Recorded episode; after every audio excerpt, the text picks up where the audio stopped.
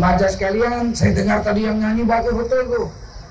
Hilang kulir firdau si Allah. Kurasa karena ibunya waktu hamil tiap hari dengar nyanyi Taman Ria. Jadi bakat nyanyinya tumbuh. Sangat berbahagia Bapak-Bapak Ibu-Ibu Saudara-saudara sekalian meskipun hujan kita hadir juga banyak di tempat ini semata-mata mengharapkan ridho Allah SWT. Mudah-mudahan malam hari ini kita mendapatkan apa yang dijanjikan oleh Rasulullah Sallallahu Alaihi Wasallam. Kata Nabi la yaqudu qaumun yadhkuruna illa hafathumul malaikah Tidaklah satu kaum apabila duduk rapat-rapat mereka itu membicarakan agama Allah, membesarkan agama Allah, menceritakan kehebatan Allah, berzikir kepada Allah illa hafathumul malaikah. Turunlah malaikat memayungi mereka dengan sayap-sayapnya. Malaikat itu panggil memanggil sesama mereka bersusun-susun sampai langit dunia. Lebih banyak malaikat yang hadir malam ini daripada kaum muslimin yang hadir malam ini. Kita dipayungi malaikat. Oleh karena itu kita jangan cerita-cerita, nanti malaikat pergi. Rugilah kita malam-malam, dingin-dingin, kena hujan, duduk, malaikat nggak ada yang memayungi. Kata malaikat, kamu aja tidak menghargai majelis kamu, bagaimana kami mau menghargainya? Mereka pun pergi, rugi kita, tidak dipayungi malaikat. Yang kedua, wahasiyatul rahmah, mereka akan disirami oleh rahmat Allah. Diberi kasih sayang, kita ini masuk surga bukan karena banyak amal.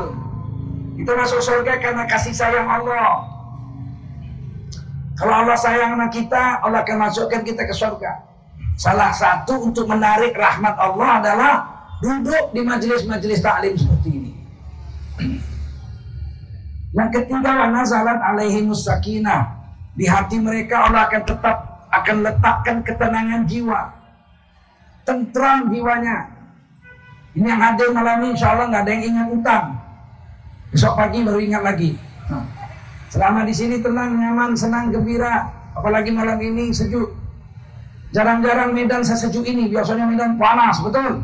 Wah malam ini sejuk, Masya Allah. Malaikat-malaikat turun, sakinah turun. Sakinah itu kata Imam Nawawi, unzilat ma'al malaikah. Unzilat minas sama'i ma'al malaikah. Yang namanya sakinah itu ketenangan jiwa yang turun dari langit bersama dengan sakinah itu ikut malaikat mengawalnya. Itu sakinah. Kalau kita habis baca Quran, hati kita sejuk, tenang, damai, nyaman, itu sakinah. Ada malaikat di situ. Kalau kita habis sedekah, ada orang miskin kelaparan, kita belikan nasi padang, makan dia dengan lahap, hati kita gembira, tenang, nyaman, plong, itu sakinah, ada malaikat di situ. Kita pergi dari rumah kita habis sholat subuh. 20 km untuk mencium tangan ibu bapak kita. Setelah kita cium tangan bapak ibu kita, kita makan sarapan pagi bersama ibu kita, bapak kita, kemudian kita pulang lagi ke kampung halaman kita 20 km, pergi balik 40 kilo. Dalam perjalanan pulang hati kita tenang, sudah cium tangan bapak ibu kita itu sakinah, ada malaikat di situ. Ketika kita berdagang, ada orang beli dagangan kita, kita katakan ini harganya 20 ribu, kita sudah untung 5 ribu di situ. Tiba-tiba orang itu bilang, ini saya beli keramik untuk masjid. Masya Allah, kalau masjid, saya turunkan 5 ribu lagi, 15 ribu saja. Tidak ada dapat untung apa-apa dia. Tapi begitu barangnya diambil, dibayar hanya harga modal 15 ribu, orang itu pergi. Hati yang menjual barang ini terasa adem, tenang, tentram. Alhamdulillah, hari ini saya bisa membantu pembangunan masjid dengan barang yang saya jual. Walaupun saya nggak dapat keuntungan apa-apa untuk dunia. Ketenangan seperti itu disebut sakinah. Tapi kalau kita nonton film Jet Li main kungfu, insya Allah main cat, cat, cat, cat, cat. Wajam kita nonton, habis itu kita terduduk, capek. Tidak ada sakinah di situ. Tidak ada malaikat ikut di situ. Ada orang duduk di bawah pohon, merokok, cepas, cepus, sampai menghayal mudah-mudahan saya jadi gubernur. ketenangan jiwa di situ. Tidak ada sakinah di situ. Tidak ada malaikat di situ. Bukan sakinah namanya. Dorong di WC, ngelamun. Sambil merokok. Di bawah bau, di atas diisap. Di dalam WC sampai setengah jam. Apakah itu sakinah? Tidak. Itu laro. Itu kelalaian jiwa. Tidak ada malaikat di situ.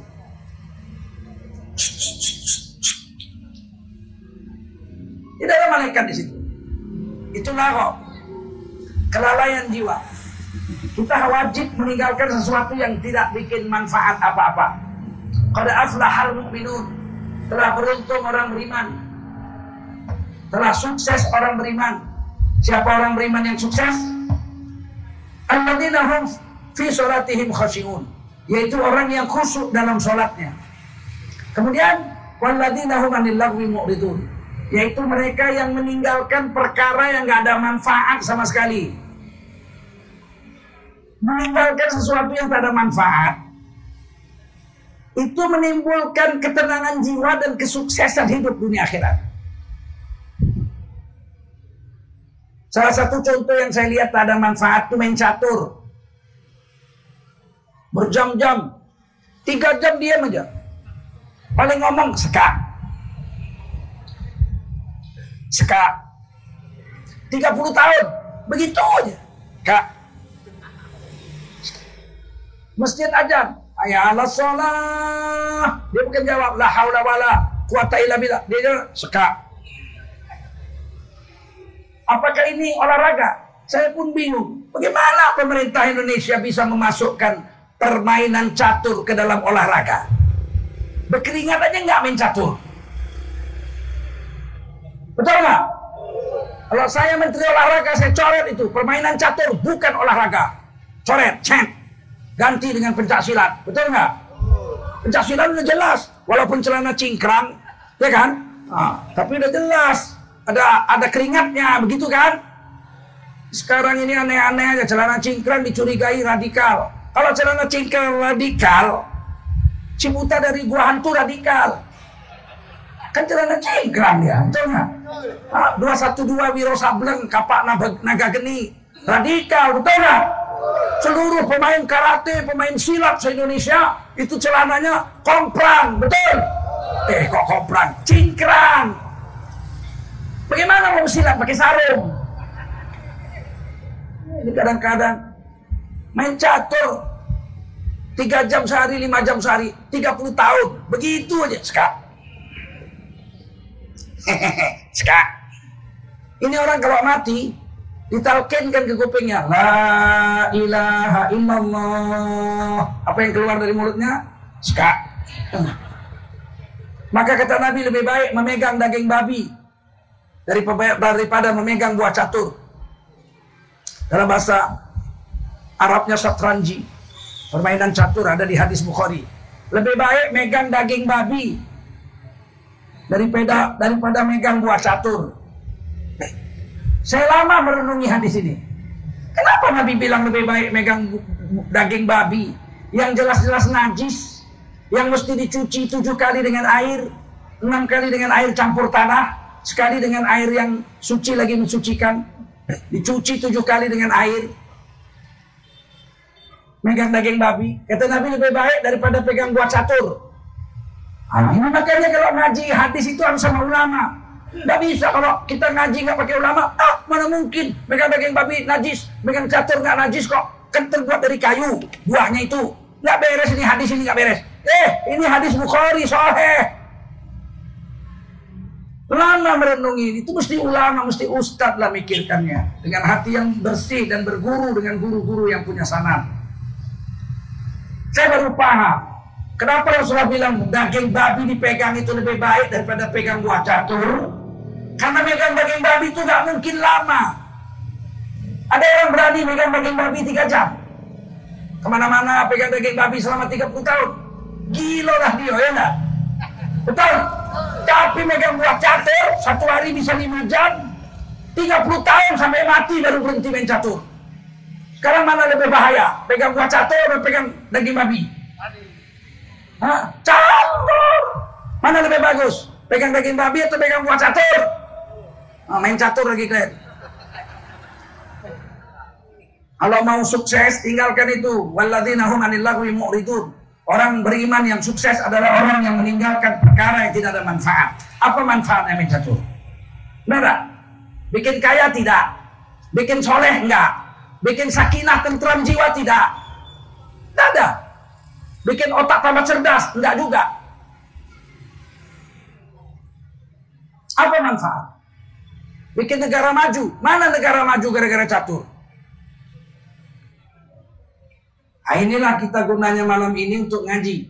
Siapa yang duduk sini mendengarkan ceramah ini kata Nabi dapat sakinah, ketentraman jiwa. Kemudian yang ketiga, yang keempat, wadzakarahumullahu fiman indahu. Nama mereka satu-satu akan disebut-sebut di langit. Sehingga namanya terkenal di langit. Seluruh malaikat kenal dengan dia. Walaupun di dunia dia orang miskin. Tinggal di pinggir hutan Istrinya melarikan diri, nggak tahan hidup miskin sama dia. Dia hidup seorang diri sebatang kara. Kalau dia rajin dengar taklim, rajin menghadiri majelis taklim, rajin men menghadiri majelis zikir, namanya terkenal di langit karena setiap hari malaikat menyebut-nyebut namanya. Walaupun dia mati sendirian, nggak ada yang menguburkan jenazahnya karena dia mati sebatang kara. Ketika dia mati, seluruh malaikat selangit memohonkan ampun atas seluruh dosa-dosanya dan memuliakan kematiannya. Itu kelebihan majelis taklim yang kita buat ini. Makanya kalau ada orang buat taklim duduk aja situ. Biarpun semenit dua menit duduk. Kadang-kadang ada di masjid orang baca buku Fadha'il A'mal, kelebihan amal soleh. Siapa yang menjaga sholat lima waktu, maka gugurlah seluruh dosa-dosanya. Kita duduk aja sebentar dengar gitu. Maka kita dapatkan yang empat ini. Kita dapat pertama malaikat memayungi kita dengan sayap-sayapnya. Kedua, memberikan Allah akan ketenangan jiwa di hatinya. Yang ketiga, Allah menyirami kasih sayang rahmat kepadanya. Yang keempat, seluruh malaikat menyebut-nyebut namanya. Ini penting. Kalau ada yang soleh wafat meninggal dunia atau mati, maaf saya lebih sering bilang mati. Orang-orang protes, Pak, jangan bilang mati lah. Pak, mati itu kan kasar. Ini sisa-sisa penjajah Belanda ini. Mati itu tidak kasar, mati itu bahasa Arab. Betul? Betul? Mati itu bahasa Al-Quran. Mati itu bahasa hadis Rasul. Kok dibilang Quran kasar? Rasul kasar. Mana ada Al-Quran yang kasar? Mati itu bahasa Quran. Kita baca tiap sholat. Inna sholati wa nusuki wa mah ya ya wa mama Lama mati. Sesungguhnya sholatku, ibadahku, hidupku, matiku. Lillahi Rabbil Alamin. Untuk Allah, Tuhan semesta alam. Kalau mati itu kasar, coba tukar besok sholat. Inna sholati wa nusuki wa mahyaya wa ma meninggal. Batal sholatnya. Betul? Jadi kenapa dibilang mati itu kasar? Ini sisa-sisa penjajah Belanda kafir ini. Mau menyudutkan Quran dan hadis-hadis Nabi. Dibilang, eh jangan bilang kue orang jangan bilang mati. En mati itu kasar. En, en kue orang mesti tukar itu menjadi meninggal. Apa ini? Meninggal itu artinya nggak jelas. Bisa meninggalkan rumah, betul. Meninggalkan pekerjaan, betul. Meninggalkan anak istri.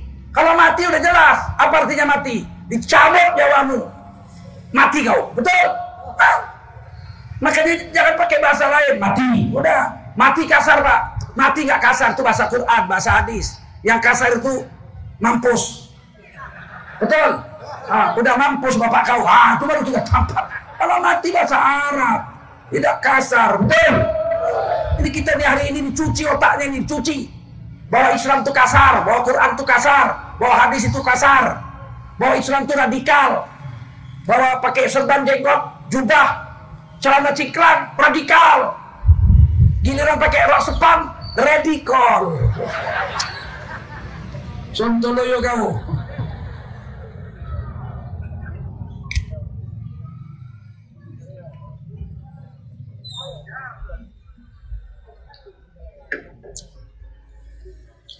Di dalam hadis, Rasulullah pakai kata mati. idza mata ibnu Adam in anhu amaluh. Apabila telah mati. Nah. Apabila telah mati fiilnya mati. Apabila telah mati idza mata ibnu Adam manusia yaitu cucu Adam in anhu amaluh. Putuslah dari si mati itu amalnya. Ini sering juga salah terjemah di sini. Di Medan saya sering dengar dulu asal cerita di sini. Orang kalau sudah mati, putuslah hubungannya dengan orang lain. Loh, mana ada dibilang putus hubungannya? Kalau sudah mati udah putus. Putus apanya? Dalam hadis yang putus itu amalnya. Kita baca satu-satu. Iza mata, kalau telah mati. Ibnu Adam, manusia yaitu anak cucu Adam ingkoto'a maka putuslah anhu daripada si mati itu amaluhu amalnya. Jadi yang putus apanya? Amalnya. Udah mati gak bisa sholat. Betul? Udah mati gak bisa puasa. Udah mati gak bisa sempat udah mati bayar utang bagaimana juga udah mati dua minggu diketuknya pintu rumah kita. Assalamualaikum. Kita buka puma kau din ah, ah kau mati. Baru dua minggu. Mau ngapain? Bayar utang. Pingsan yang terima duit Udah mati, putuslah apanya? Apanya? Amalnya bukan hubungannya. Gak ada di situ dibilang ingkoto'an husilatuhu. Putuslah hubungannya dengan yang hidup. Gak ada. Jadi salah mengartikan hadis. Kasihan betul. Hubungan kita dengan orang mati tidak putus. Hubungan kita dengan orang mati tetap bersambung. Kecuali salah satu murtad keluar dari Islam baru putus. Kalau orang mati itu buktinya amal kita dengan amal dia masih bersambung. Hubungan kita sama dia masih bersambung. Dia udah gak bisa bayar utang kalau mati, betul? Tapi kalau dibayarkan utangnya sama yang hidup, lunas nggak? Kuat jawabnya, lunas nggak? Berarti ada hubungan dengan yang hidup. Iya pak, kan yang bayar anaknya, istrinya, ahli warisnya. Tidak mesti. Tidak mesti. Rasulullah menyembayangkan jenazah. Mau berdiri Rasulullah sholat, Nabi tanya, saudara-saudara, apakah yang mati ini meninggalkan utang? Iya ya Rasul, ada utangnya. Kalau begitu kalian aja yang menyolatkan, aku tidak, kata Nabi. Kalau orang mati meninggalkan utang, aku nggak mau menyolatkannya. Nabi minggir, sahabat-sahabat disuruh sholatkan. Sayyidina Ali maju. Ya Rasul, demi Allah, saya yang menanggung utangnya. Langsung Rasul takbir, Allah Akbar. Artinya, Hubungan yang hidup dengan yang mati tidak putus dengan ma mati dengan kematian itu. Saya kasih contoh. Satu hari orang kaya naik Mercy, New Ice, 2, 2 miliar harga Mercy itu. Tiba-tiba dia belok sholat zuhur ke masjid. Dilihatnya masjid penuh seribu orang yang sholat zuhur. Terkejut orang kaya ini. Apa kata orang kaya ini? Ya Allah, Seumur hidup aku tinggal di kota Medan ini. Tak pernah aku tengok orang sholat zuhur sampai seribu orang. Maka dia masuk ke masjid, sholat zuhur. Rupanya habis sholat zuhur ada pengumuman. Mari kita sholatkan jenazah. Tuan guru kita, Zainuddin, baru meninggal dunia. Maka sholatlah seribu orang. Bergetar hati orang kaya ini. Dia tanya, siapa yang mati ini? Guru kami. Yang ngajar agama oleh kepada kami di desa kami ini. Masya Allah. Meninggal dunia dia? Iya, dia mati. Tapi sayang, dia mati sakit lever, dirawat di rumah sakit, utang 20 juta belum dibayar. Loh, kan ada BPJS. Oh, BPJS sudah bangkrut. BPJS bangkrut. Bangkrut, makanya naik 100%. Oh, pantas. Hmm. Apakah istrinya nggak bisa bayar utangnya? istrinya miskin, rumah pun ngontrak. Anaknya, anaknya masih umur 4 bulan. Keluarganya, kami nggak tahu keluarganya dia orang Riau, merantau kemari. Kami nggak tahu keluarganya siapa. Oh, jadi belum dibayar utangnya 20 juta? Belum. Kalian nggak bisa membayar murid-muridnya? Iya, lima tahun ini kami aja makan nyamping. Cuman kami makan nasi 5-6 suap, masih lapar, kami tambah pakai kipas angin supaya kenyang. Saking miskinnya kami 5 tahun ini. Nggak dapat kartu miskin, Glenn. Belum. Katanya pengangguran digaji. Nanti, masih janji. Jadi utang belum bisa kalian bayar. Belum. Kata orang kaya ini, kasihan Ustadz Zainuddin ini. Dia pun masuk ke mobilnya. Diambilnya tas kecil, ditulisnya cek 50 juta rupiah tunai, bank muamalat, tanda tangan. Dikoyaknya. Mana lurah? Kata lurah saya lurah. Masya Allah. Bapak kenal yang mati ini? Oh ini guru kami, Ustaz Jainuddin. Ada utang 20 juta. Ah tolong. Bapak bayar utangnya besok ke rumah sakit 20 juta. Sisa 30 juta, jangan Bapak ambil. Bapak kasih sama istri Ustaz Jainuddin ini, biar dia pulang ke Riau menjumpai keluarganya. Supaya bisa diurus ini janda muda sama keluarganya. Siap, kata lurah. Dibayarnya utang 20 juta. Saya tanya, lunaskah hutang Ustadz Jainuddin itu? Lunas? Ustadz Jainuddin nggak kenal sama yang bayar, yang bayar itu pun nggak kenal sama Ustadz Jainuddin. Lunas? Berarti masih ada hubungan orang hidup dengan orang mati. Betul? Di mana yang bilang nggak ada hubungan lagi orang hidup dengan orang mati?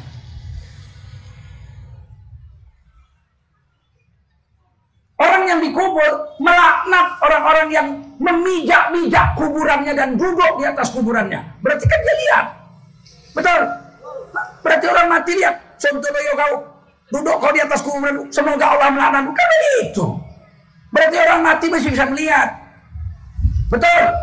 Orang mati masih bisa mendengar. Mana dalilnya orang mati masih bisa melihat dan mendengar? Hadis Bukhari Muslim Rasulullah bersabda,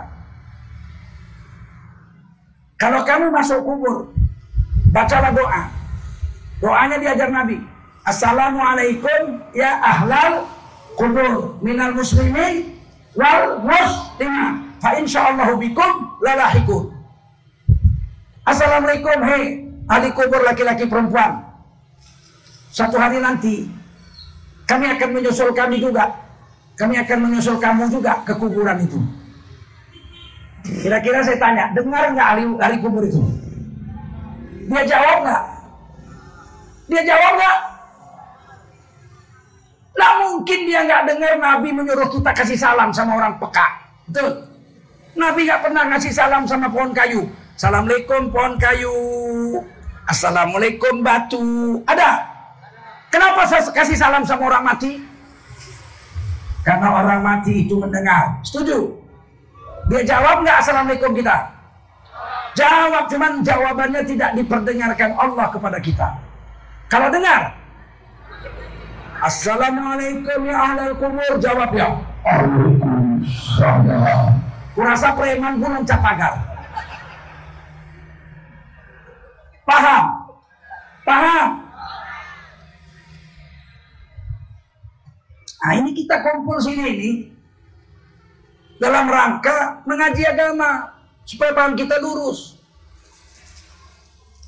Supaya kita tahu bahwa kita ini bersaudara. Innamal mu'minuna ikhwah. Sesungguhnya orang beriman itu bersaudara. Yang hidup maupun yang mati. Yang hidup maupun yang mati. Diperintahkan oleh Allah dalam Quran dan diperintahkan oleh Rasulullah dalam Quran mendoakan orang beriman yang sudah mati. Rabbana firlana wali ikhwanan wali ikhwanina alladzina sabakuna bil iman. Ya Allah ampunkan dosa kami yang masih hidup ini, yang berdoa ini. Dan dosa orang-orang yang beriman sebelum kami sudah mati, wali songo, sahabat-sahabat Nabi, tabiin tabiin, tabiut tabiin, sudah wafat semua, betul? Ampunkan dosa orang-orang yang sebelum kami, sebelum kami, sebelum kami. Berarti kan sampai doa itu, betul? Ini kadang-kadang banyak sekarang ini pelajaran-pelajaran yang menyesatkan umat. Memutuskan kasih sayang antara orang Islam. Yang hidup sama yang hidup diadu domba. Sama yang mati pun jangan didoakan. Percuma. Tidak sampai doa kau itu. Ini ada gerakan untuk membuat orang Islam tidak sayang menyayangi sesama orang Islam. Disengaja ini, disengaja. Oleh karena itu kita harus hati-hati di akhir zaman ini terhadap fitnah-fitnah yang mau menjauhkan umat dari umat Islam. Semakin kelihatan menjauhkan dari umat itu adalah penghinaan-penghinaan terhadap tokoh-tokoh Islam. Tokoh Islam dituduh berzina, dituduh chat mesum. Ini menyakitkan betul. Kayak sahabat saya Habib Rizik dibilang chatting mesum. Hah? Chatting seks dengan perempuan. Ku tengok perempuan itu bukannya cantik kali. La ilaha illallah. Konten tiga yang menurut aku itu. Betul. Kalau sekelas saya, sekelas Habib Rizik, mau kawin empat aja laku. Betul? Kalian mau nggak kawin sama aku?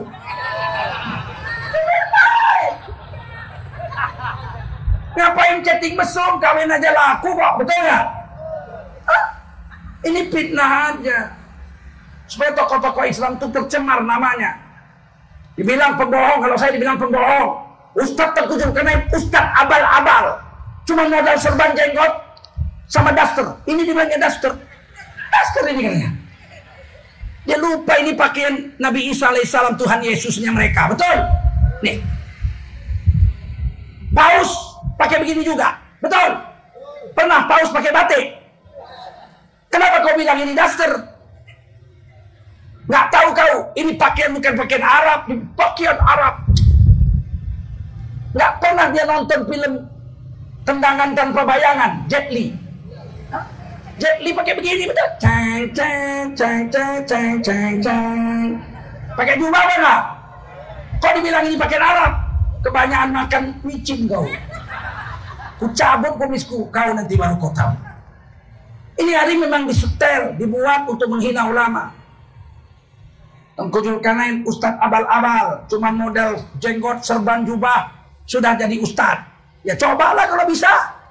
Kau beli serban, kau beli jubah, piara jenggotmu. Khutbah kau di masjid Yasmin ini. Hari Jumat, kalau nggak ama bakdu, ama bakdu, ama bakdu, nggak selesai-selesai kau khutbah. Pikirnya bisa orang Islam nyamar jadi Ustadz. Betul? Kalau nyamar jadi polisi bisa. Pakaian polisi modal semprit, ada dapat duit. Walaupun seminggu dua minggu kemudian ketangkap. Betul? Nyamar jadi tentara, dua tahun baru tertangkap.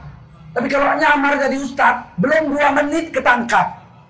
Baru mulai, Alhamdulillah. Lah kalau kalau kata ilah bila udah tangkap. Betul? Kenapa dibilang ini abal-abal ini? Sebenarnya karena mereka mau merusakkan reputasi para ulama. Dan ulama yang dihina itu pasti ulama yang tidak setuju dengan rezim yang sedang berkuasa sekarang. Betul? Kuat jawabnya, betul? Paten. Nanti takut loh.